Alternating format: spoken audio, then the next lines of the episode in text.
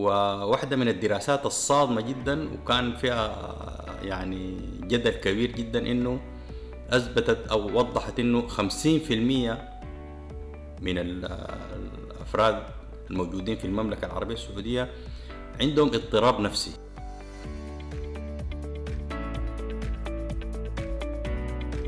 السلام عليكم ورحمة الله وبركاته.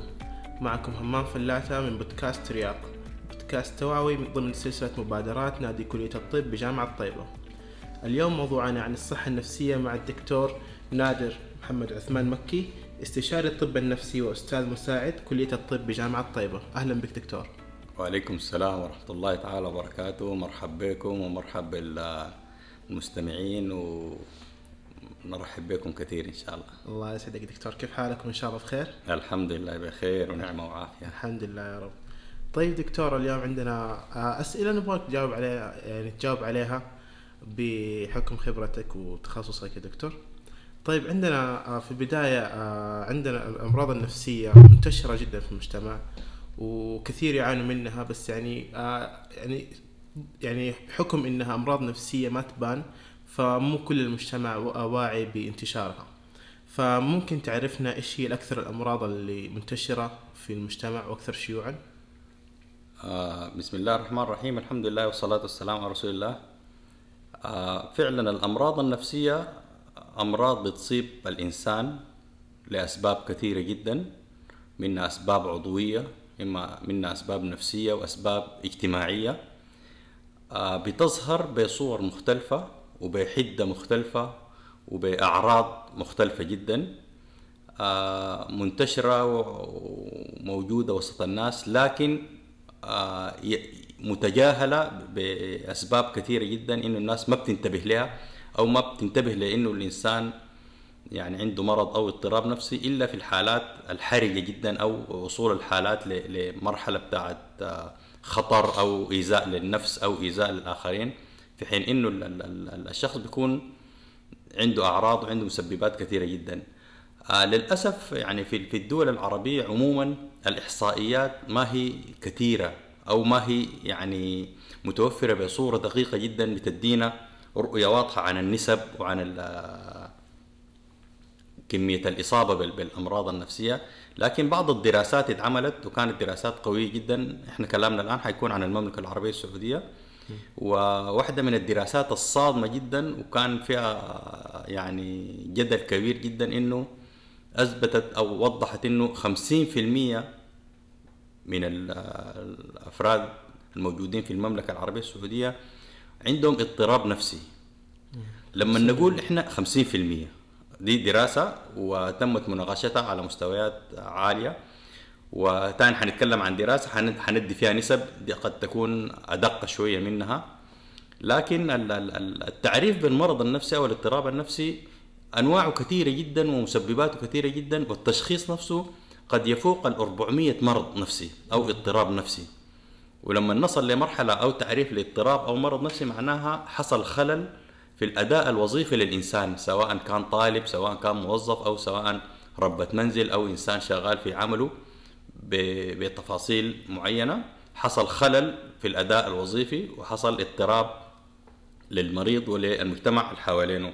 الدراسة الثانية كانت أدق اللي هي عملتها الجمعية السعودية أو المسح السعودي. يعني أثبتت أو وضحت أنه 34% نسبة الإصابة بالاضطرابات النفسية.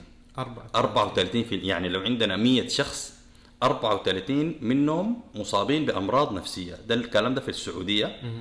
والدراسة بدأت تقريبا سنة 2010 23% هنا حنفصل أنواع الاضطرابات. زي ما قلنا عندنا أكثر من 400 اضطراب نفسي. 23% بوينت 2 اضطرابات القلق. القلق. وحنيجي نعرف القلق وتفاصيله إن شاء الله. 11% بوينت 2 اضطرابات التحكم بالدوافع واللي هي الاندفاعية وممكن من ضمنها الغضب وكده. 9.2% الاضطرابات المزاجية. الاضطرابات المزاجية ممكن تكون يا إما الاكتئاب يا إما الهوس بمختلف أنواعهم.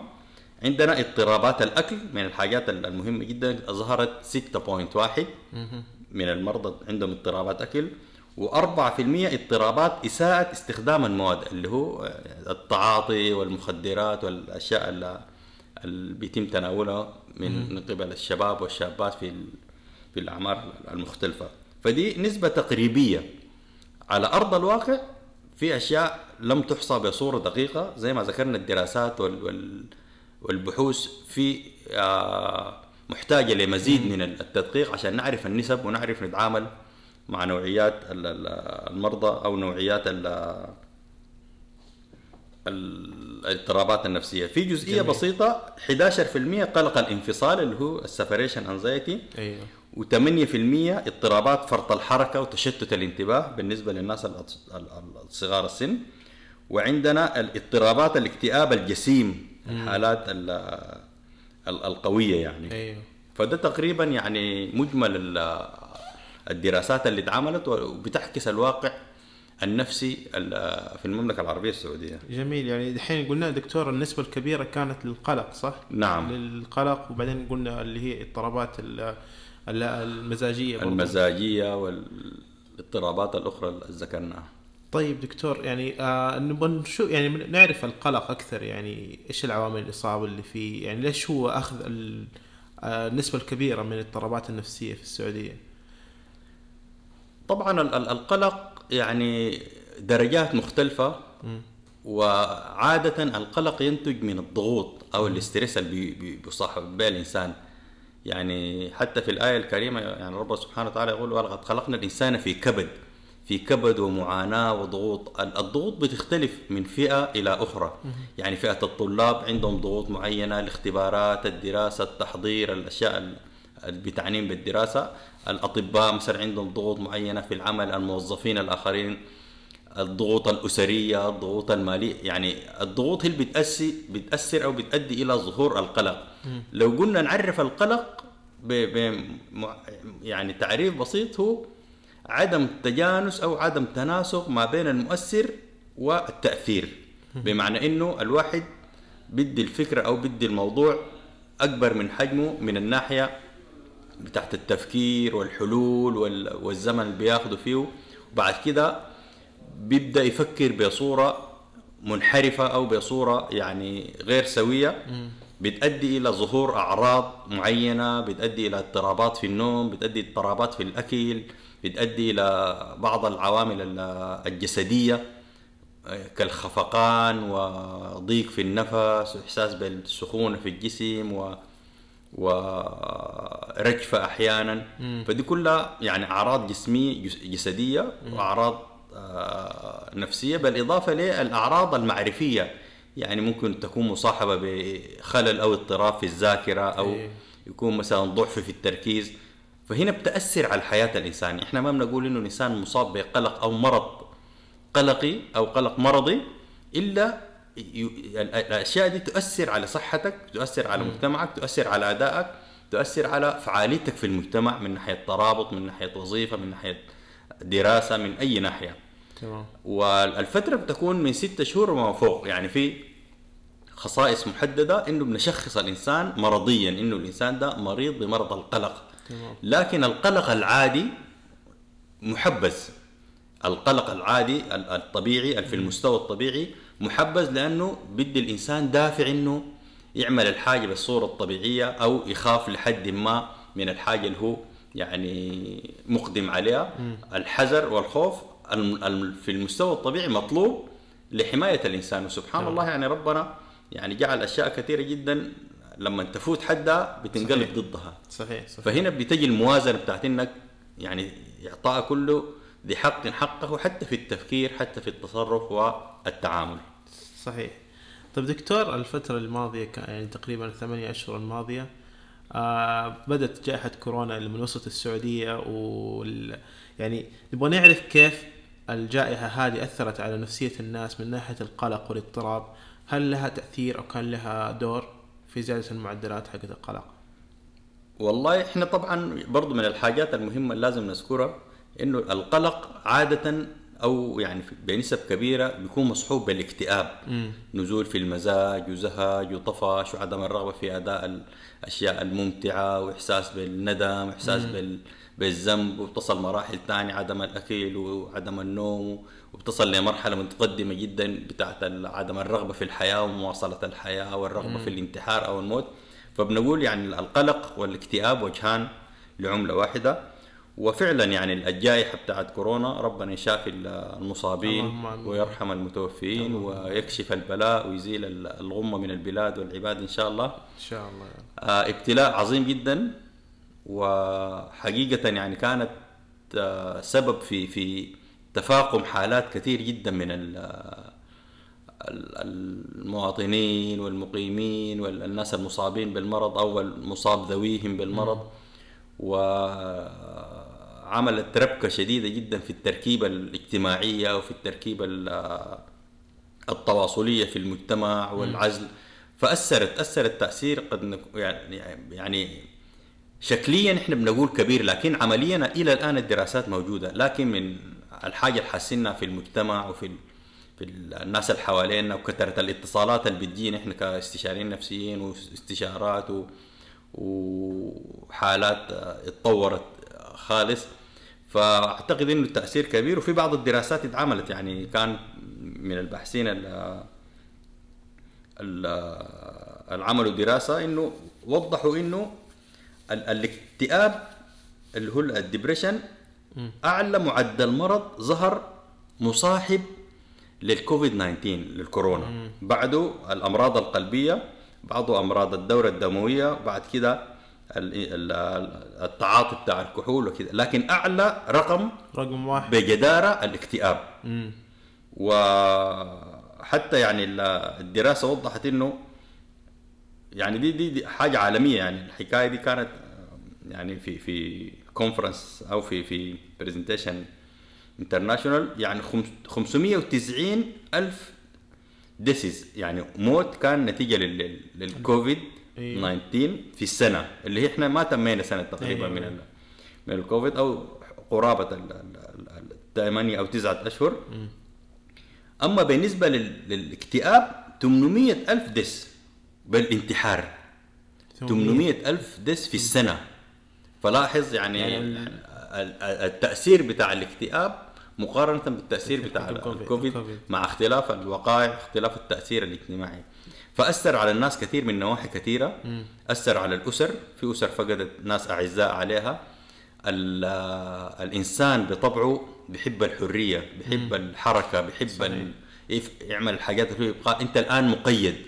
التقييد دخل الإنسان في ضغوطات صحيح. التعامل المباشر مع مع الأسرة أو الأطفال أو الأقارب بصورة مباشرة لفترات طويلة جدا غير متعود عليها برضو أدى صحيح. إلى ظهور بعض الضغوطات. الحاجة الثانية الحرمان من الأشياء اللي أنت بتحبها. في ناس بيحبوا يصلوا في الحرم بشكل ما بتتخيله. عمره كله مثلا عشق حياته إنه ما يفوت صلاة في الحرم. فهنا حرمت من أعز حاجة عندك. حرمت من المسجد إنك تمشي تصلي في المسجد الجماعه صحيح. لفترة حرمت من إنك ما تطلع في أوقات معينة أنت بتحب تطلع فيها. ألزمت بأشياء لازم تعملها تلبس الكمامة تعقم يدينك تعمل تباعد. يعني الأشياء المقيدة للإنسان بتعمل ضغط عليه. صحيح. دي حاجة. الحاجة الثانية الفقدان بتاع الشخص العزيز أو الأخبار اللي كانت بتجي بصورة سلبية والإعلام وال- والوسائط الاجتماعية. كانت بتنقل أحيانا أخبار سلبية جدا ومحبطة لحد كبير جدا وما في لقاح وما في علاج. الآن فلان مات والله في مجموعة كبيرة جدا أصيبوا والله قفلوا المنطقة الفلانية المكتب الفلاني. في فكانت كلها أخبار يعني سالبة بتأثر على الناس بصورة سلبية. وبالرغم من إنه في ناس بيحاولوا إنه يطلعوا من الأجواء السالبة بتصرفات كثيرة بتعاملات إيجابية كثيرة لكن آه، الفترة نفسها كانت طويلة وطالت. صحيح. والحاجة الأخطر وال وال والاهم ودي ال- ال- المسببة إلى الآن إزعاج لكثير جدا من للناس والمواطنين وال وال وعامة الناس إنه ما في حاجة محددة الانسرتينتي يعني صحيح. أنت إلى متى حيكون الوضع كده إلى متى الطيران مقفل؟ إلى متى ال- الأشياء الاجتماعية وال, وال متى ترجع الحياة صحيح. لطبيعتها؟ ده تغيير كبير جدا وما في إنسان عنده إجابة. لأنه مرة يقول لك في موجة ثانية مرة يقول لك في احتياطات اتعملت ما في شيء. أكيد، إيه. ما في حاجة أكيد الانسرتينتي نفسه بيؤدي إلى قلق. في ناس منظمين في ناس حياتهم منظمة. بيحب يعمل كده عنده جدول عنده أولويات فما بيقدر يعني يخطط لفترة طويلة أو لمدى طويل ومتروك الأشياء الا الوضع الراهن. والأوضاع. فدي كلها يعني عوامل كثيرة جدا أدت إلى زيادة الأمراض النفسية وظهورها من ناحية القلق من ناحية الاكتئاب من ناحية الوسوسة. الناس اللي عندهم وسواس زادت عندهم. الحكاية دي بشكل كبير جدا وحصلت يعني مشاكل كبيرة في العمل وفي التواصل حصلت مشاكل اجتماعية ومشاكل بين الناس. يعني في صحيح. انك ليش ما لبست الكمامة؟ تلبس الكمامة كويس انت ما تكلمني أنا من حقك. فحصلت يعني أشياء كثيرة جدا يعني أدت لبعض الضغوطات في في المجتمع. ونسأل الله يعني إنه يفرج علينا وعلى المسلمين جميعا اللهم آمين يا رب اللهم آمين. ويزيل ال- الكربة بإذن الله. اللهم آمين. طيب دكتور إحنا قلنا إنه الاكتئاب كان رقم واحد نعم. في آه اللي هو معدل الإصابة بالأمراض في آه الفترة الماضية. طيب آه إيش كانت العوامل الخطورة غير يعني يعني غير الجائحة؟ هل في أشياء آه تقول لنا إنه هذا الإنسان معرض بالاصابه بالاكتئاب أكثر من الشخص الثاني آه وإذا في مثلا آه كيف يعرف المريض إنه هو مصاب بالاكتئاب؟ ال- الاكتئاب طبعا من من الأمراض المنتشرة بشكل كبير جدا وهو يعني فيه درجات مختلفة. اكتئاب بسيط اكتئاب متوسط اكتئاب حاد اكتئاب حاد جدا مصحوب ب- بأفكار انتحارية. فعادة الاكتئاب البسيط أو المتوسط يعني الأعراض بتكون بسيطة جدا أو خفيفة الإنسان بيكون بيقدر يمارس عمله بيقدر يمشي الكلية يقدر يمشي مكان عمله بشكل ما هو زي الأول أقل شوية غير ملاحظ. يعني الأمراض النفسية فيها نوعين أو أو أو تشخيصها قد يلجأ إلى طريقتين. يا إما المريض نفسه أيوة. يعني يلاحظ هو في جسمه في في تصرفاته في مزاجه في كده إنه بدأ يتغير أو يا إما يلاحظ عليه من الآخرين. الآخرين دي حتة مهمة جدا بنخط بنخط عليها خطين بالأحمر. الآخرين ممكن يكونوا الأصدقاء. ممكن يكون الأسرة القريبة. ممكن تكون الأسرة الممتدة. ممكن تكون الزوجة. ممكن تكون الأبناء. أي إنسان على تواصل مع المريض. يلاحظ تغيرات سلوكية. مثلا زيادة في النوم زيادة في الأكل آه، النرفزة الس- السريعة الضيق الشديد التصرف ب- ب- باستهتار ولا مبالاه دي كلها تصرفات الإنسان ما بيقدر يعرفها إلا يكون عارف أساسا وضعية الإنسان قبل ما يتصرف التصرف ال- اللي هو عمله. يعني أنت عارف إنه إنسان نظيف إنسان محافظ مر فجأة يجي مبهدل أو هدومه ما هي نظيفة أو شكله ما هو مرتب أو نومه مثلا اختلف أو شهيته اختلفت وزنه قل أو زاد. لأنه عندنا أنواع كثيرة طبعا من من الاكتئاب. الاكتئاب ال- ال- ال- ال typical وال atypical اللي هو الاكتئاب الم- المثالي أو الأعراض بتاعته المثالية إنه اضطراب في النوم ونقصان في الوزن وكده. وفي ممكن يكون الاتيبيكال العكس يعني يكون الإنسان ينوم بزيادة أو يأكل بزيادة أو يعوض بصورة سلبية. فهنا في أعراض ملاحظة بيلاحظها الإنسان في نفسه وفي أعراض بتلاحظ عليه من الآخرين. جميل. فهنا الفكرة بتاعت الاختلاف بتاعت ال- ال- الأعراض نفسها وبعد كده الحدة بتاعت المرض زي ما قلنا بسيط أو متوسط أو حاد. لما نصل المرحله بتاعت الحاد أو الشديد جدا يعني هنا بنخاف على المريض إنه يأذي نفسه يصل لمرحلة انتحارية يعني يفتكر إنه ال- ال- ال- الموت أريح له من الحياة وكده هنا بتكون وصلنا لمرحله محتاجه لتدخل يعني عاجل وتعتبر من الأشياء الطارئة جدا. لكن منتشر بنسبة كبيرة جدا. وبيصيب الإنسان يعني أسبابه كثيرة جدا يعني أسباب الأمراض النفسية عموما كثيرة جدا. في ناس عندهم قابلية وراثية أو جينية إنهم يصابوا بالأمراض النفسية أكثر من غيرهم. عشان كده في التاريخ المرضي بنسأل من ال- الحاجات الأسرية أو الأمراض النفسية. في ناس كثير بينكروا أو ما بيكونوا واضحين في الحكاية دي. في واحدين بيمشوا لمشايخ أو بي- بيلجأوا للطب البديل لعلاج الأمراض النفسية. فممكن من التاريخ المرضي برضه نصل لل- للحتة دي. الحاجة الثانية ال- الأسباب الاجتماعية الظروف الجسدية في حاجة مهمة جدا برضو يعني رسالة نوصلها للجميع إنه الأمراض النفسية بتؤدي إلى أمراض عضوية. جميل. والعكس بالعكس الأمراض العضوية تؤدي. بتؤدي إلى أمراض نفسية. أي إنسان عنده ضغط أي إنسان عنده سكري أي إنسان عنده قلب مثلا أمراض قلب أو أمراض كلى. ممكن تؤدي إلى أمراض نفسية والعكس بالعكس. جميل. طيب يا دكتور آه بالنسبة للقلق والاكتئاب آه كيف الواحد يمدي يتغلب على المخاوف اللي عنده والقلق اللي عنده؟ يعني نصائح كذا يعني زي بسيطة كذا كيف الواحد من نفسه يعني تحاول يتحكم بالبداية؟ آه زي ما ذكرنا هي الموضوع محتاج ل قعدة مع النفس والإنسان م. يعمل يعني رؤية واضحة لأدائه ل لمهامه اليومية ولمدى تفاعله مع المجتمع. إذا لاحظ أو لوحظ عليه إنه يعني في في خلل ممكن يعني يستعين بإنسان مختص. م. الأفضل إنه يستعين بإنسان مختص. ينصحه. النصيحة الأسلم يعني بدل ما يمشي يكلم أي إنسان ويتأخذ عليه. لأنه بتجي عندنا حتة مهمة جدا أو نقطة يعني ما ذكرناه وموجودة للأسف بشكل كبير جدا اللي هي وصمة العار أو الاستجما بتاعت إنه مرض نفسي أو عنده نفسية أو براجع طبيب نفسي أو بيمشي لأخصائي نفسي أو مشى مستشفى النفسية. فهنا الوصمة دي بتكون حاجز كبير جدا بين الشخص وبين إنه يدلي بأقواله أو يصرح بالحاجة اللي هو عنده أو الحاجة اللي بيشعر بها بيفتكر إنه ده نوع من الضعف أو نوع من إقلال من شأنه أو كده مع إنه بالعكس يعني هو بيكون مشى للجهة الصحيحة اللي ممكن تساعده في وسائل كثيرة يعني وسائل بتاعت خصوصية مثلا في التعاملات أو الاستشارات النفسية م. وسائل التواصل الاجتماعي لانسان مضمون يكون أو ثقة أو الاتصال بالجوال أو الاستشاريين النفسيين الواحد يعرض مشكلته بصورة سليمة وبصورة صحيحة وبعد كده ياخذ التوجيه السليم لأنه العلاج موجود ومتوفر بكمية كبيرة جدا وبأنواع كثيرة جدا وفعال ومجدي لحد كبير. لكن كيف أنت تصل للمرحلة بتاعت إنك تصل للخطوة الصحيحة؟ فهنا بالاستشارة وبالذهاب للجهة المعنية بالصورة الصحيحة بتخلي الإنسان يعني يمسك الطريق الصحيح إن شاء الله ويتشافى وكل أشياء مقدور عليها يعني بإذن الله.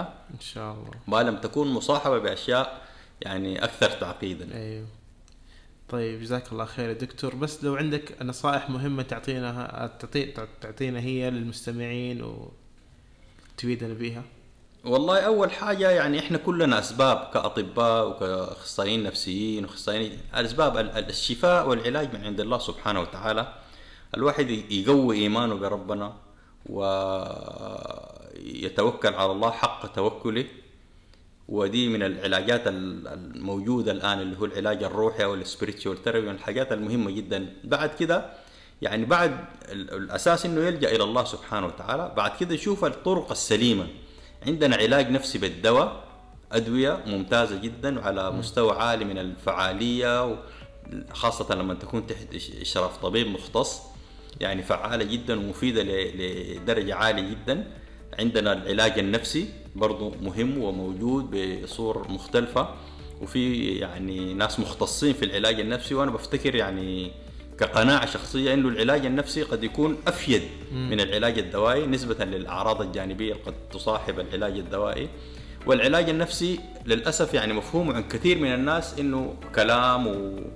وما له داعي وبياخذ زمن بالرغم من أنه بيعدل في أفكار الإنسان وبيعدل في طريقة تعامله وبيعدل في حلوله للمشاكل ومواجهته للعقبات اللي بيمر عليها وبتكون يعني خبرة مكتسبة مدى العمر جميل. يعني أنت الحاجة اللي بتأخذها من العلاج النفسي خبرات وتجارب بتمارين معينة بتستفيد منها حياتك كلها وممكن توقف بعد العلاج الدوائي جميل. بالإضافة للعلاج الاجتماعي لو هو في مشاكل مالية في مشاكل وظيفية أو في مشاكل أكاديمية الناس بتتدخل فالعلاج بيكون حيوي bio psycho social يعني management اللي هو علاج حيوي علاج نفسي وعلاج اجتماعي جميل.